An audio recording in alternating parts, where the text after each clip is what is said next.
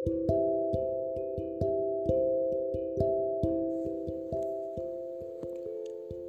semuanya, buat kalian di mana pun dan kapan pun kalian berada Perkenalkan nama gue Obyek Berhadi eh, Umur gue 18 tahun Dan gue mahasiswa baru di Prodi Farmasi dari Institut Teknologi Sumatera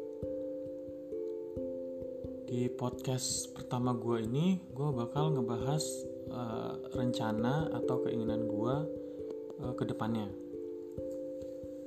Rencana atau keinginan gue di semester awal itu bisa dapat IPK di atas 3 lalu nggak ngulang mata kuliah dan bisa dapat beberapa teman yang atau nggak sehobi dengan gue lalu gue pengen bisa ikut di berbagai event entah itu sebagai peserta ataupun ngebantu penyelenggaraan event tersebut di dalam perkuliahan atau di luar perkuliahan. Uh, setelah itu lulus dengan IPK yang memuaskan dan tepat waktu tiga setengah tahun. Ikut dan lulus CPNS, ngambil pendidikan profesi apoteker.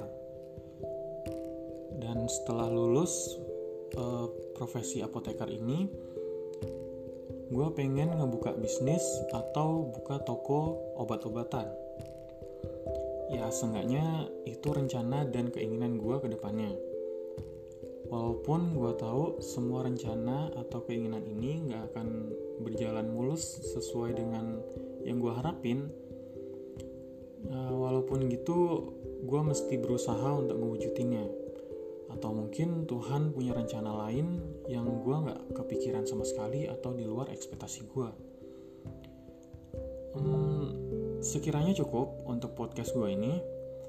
Sampai ketemu di lain kesempatan. Stay healthy.